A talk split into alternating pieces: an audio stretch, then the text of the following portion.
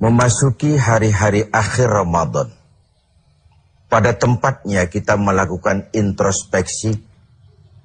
Pada tempatnya kita melakukan evaluasi.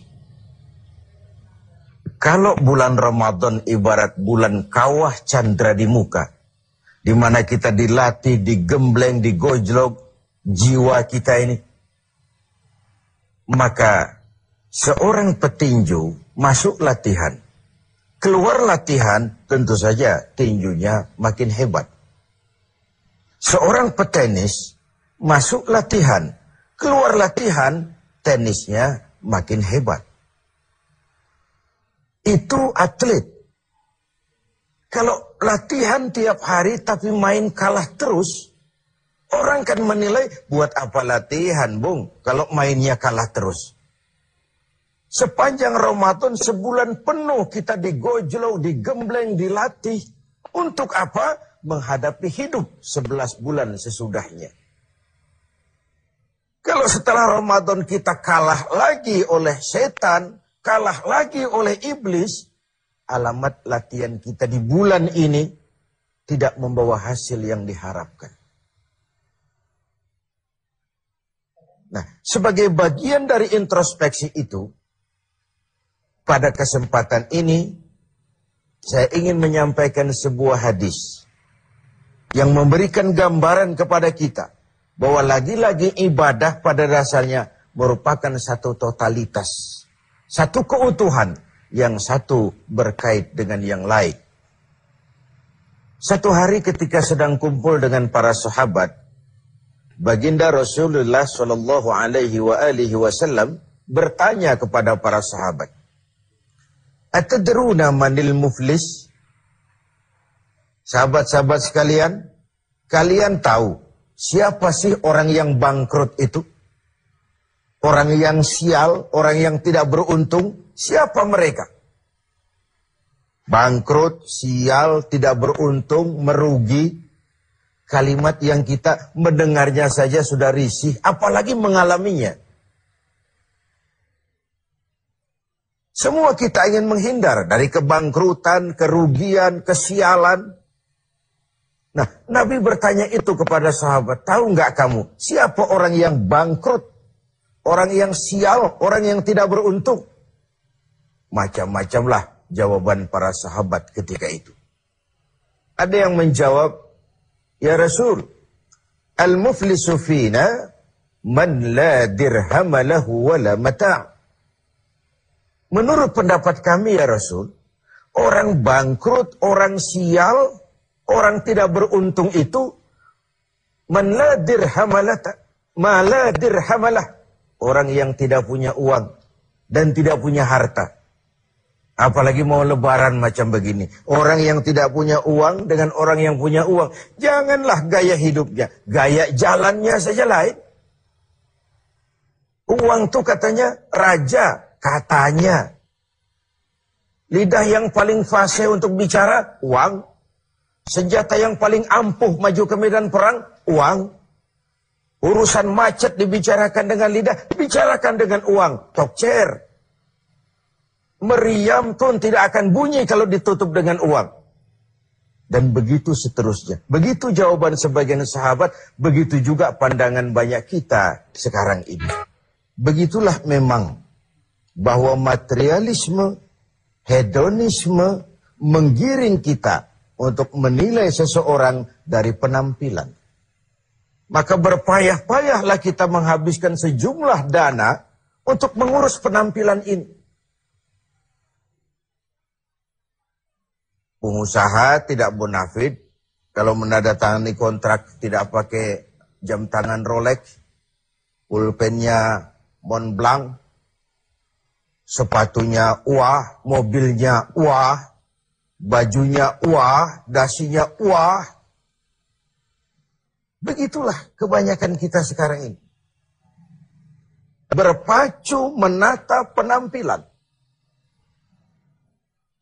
Orang yang bangkrut, yang tidak punya itu semua.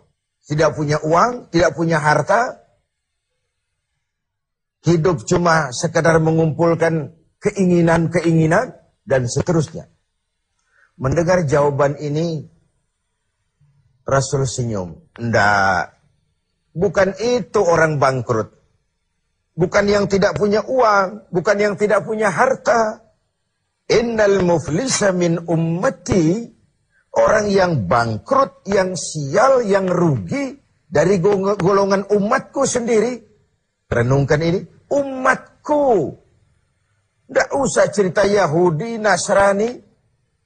Umatku yang akan bangkrut. Siapa mereka? Mayati yaumal qiyamah bisolatin wasiyamin wazakatin yaitu orang-orang yang besok di hari kiamat dia datang menghadap Allah dengan membawa pahala solat. Tuhan inilah pahala solat saya. Karena memang di dunia dia tukang solat. Ini solat yang wajib, ini solat yang sunnah, rawatibnya, nawafilnya. Wasiyamin. Dia juga datang menghadap Allah dengan membawa pahala puasa puasa wajib Ramadan, puasa sunnah Senin Kemis, puasa 10 hari Syawal, puasa Rajab, dan begitu seterusnya. Wa zakatin. Dia juga datang membawa pahala zakat karena di dunia dia juga bayar zakat, suka sodakoh dan seterusnya. Di satu sisi, dia datang menghadap Allah membawa pahala, pahala seluruh ibadahnya. Ya solat, ya puasa, ya zakat. Cuma sayang kata Nabi. Di lain pihak dia datang juga membawa kesalahan. Kesalahan apa? Wa ya'ti qad syatama Dia juga datang bawa kesalahan karena waktu hidup dia pernah mencaci maki orang lain. Syatama pernah mencaci maki orang lain. Wa qadhafa pernah memfitnah orang lain. wa akala pernah memakan harta orang dengan cara yang batil wa syafaka pernah mengalirkan darah orang lain tanpa alasan yang benar. Kalau ini yang terjadi bagaimana nasib? Di satu sisi datang membawa pahala ibadah kepada Allah. Di lain sisi datang membawa kesalahan karena pernah menyakiti orang lain. Kalau inilah yang terjadi maka Kata Nabi, ketika dia sedang asik, lapor, Tuhan, ini pahala sholat saya. Datang orang lain. Sebentar dulu Tuhan, dia memang ahli sholat. Tapi saya pernah dicaci maki di depan orang banyak tanpa alasan yang benar. Hancur hati saya. Di dunia saya tidak bisa menuntut dia karena posisinya lebih tinggi. Di sini saya menuntut keadilan. Benar orang ini pernah kau caci maki? Ya Tuhan tanpa salah? Ya Tuhan. Cuma untuk menunjukkan prestasimu sebagai orang besar, orang berpengaruh, orang berwibawa. Enak saja kau caci maki orang di depan orang banyak. Ya Tuhan. Sini. Pahala solatmu berikan kepada orang yang kau caci maki itu.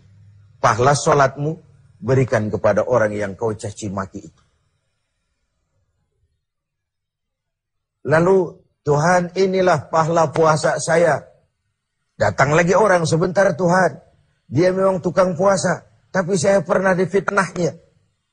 Tercoreng arang di dahi. Rusak nama saya. Hancur privasi saya. Saya tidak bisa ke mana-mana lagi dalam hidup ini. Saya menuntut keadilan karena di dunia saya tidak berani. Benar kau pernah fitnah dia? Ya Tuhan. Kau tahu lidah itu kecil bentuknya, besar akibatnya. Akibat ulahmu memfitnah dia, hancur namanya, tercoreng arang di dahinya. Ke mana pun dia pergi tidak sanggup lagi mengembangkan diri. Ya Tuhan. Ayo pahala puasamu. Berikan orang yang kau fitnah itu. Tuhan ini ini ini pahala zakat saya. Datang lagi orang sebentar Tuhan. Dia memang bayar zakat. Tapi dia pernah memakan harta saya dengan cara yang zalim. Menggelapi uang negara. Menggelapi uang anak yatim. menggelapi uang wakaf dan lain sebagainya. Di dunia tidak ada yang bisa menuntut karena dengan uangnya dia bisa menyumpal hakim, dia bisa beli keadilan, dia bisa beli hukum. Karena kata orang di dunia banyak pengadilan tapi sulit mencari keadilan. Pengadilan banyak, keadilan yang sulit. Saya menuntut keadilan. benar orang ini pernah kau makan hartanya dengan cara yang zalim? Ya Tuhan, sini pahala zakatmu berikan kepada orang yang kau makan hartanya dengan cara yang zalim. Inilah nasib. Fa in faniyat hasanatuhu qabla an yuqdama alaihi. Kalau habis sudah pahala ibadahnya diberikan kepada orang, sedangkan yang menuntut masih banyak, Orang dia zolimi masih banyak. Orang yang dia makan hartanya dengan zolim masih banyak. Orang yang dia fitnah masih banyak. Apa yang terjadi? Ukhiza min khatayahum. Kesalahan dan dosa orang yang dia fitnah, dia caci maki, dia makan hartanya. Diambil, diberikan kepadanya. Dan pada akhirnya, summa turihatin nar. Diberikanlah dia, diremparkanlah dia ke neraka. Sudah pahala dipreteli, dosa diberikan pula. Ini kan bangkrut. Ini kan sial namanya. Ini kan tidak beruntung namanya. Ibarat orang dagang, sudah modal habis, tagihan utang masih datang terus. Wajar kalau akhirnya kita terkena perkara. Oleh karenanya, kita melakukan introspeksi, evaluasi, sudah baik hubungan kita kepada Allah di Ramadan ini? Alhamdulillah. Mari kita melirik bagaimana hubungan kita dengan sesama manusia. Semoga evaluasi ini memberikan sebuah arah yang memperbaiki hablum minallah dan hablum minan nas kita. Hubungan vertikal dan hubungan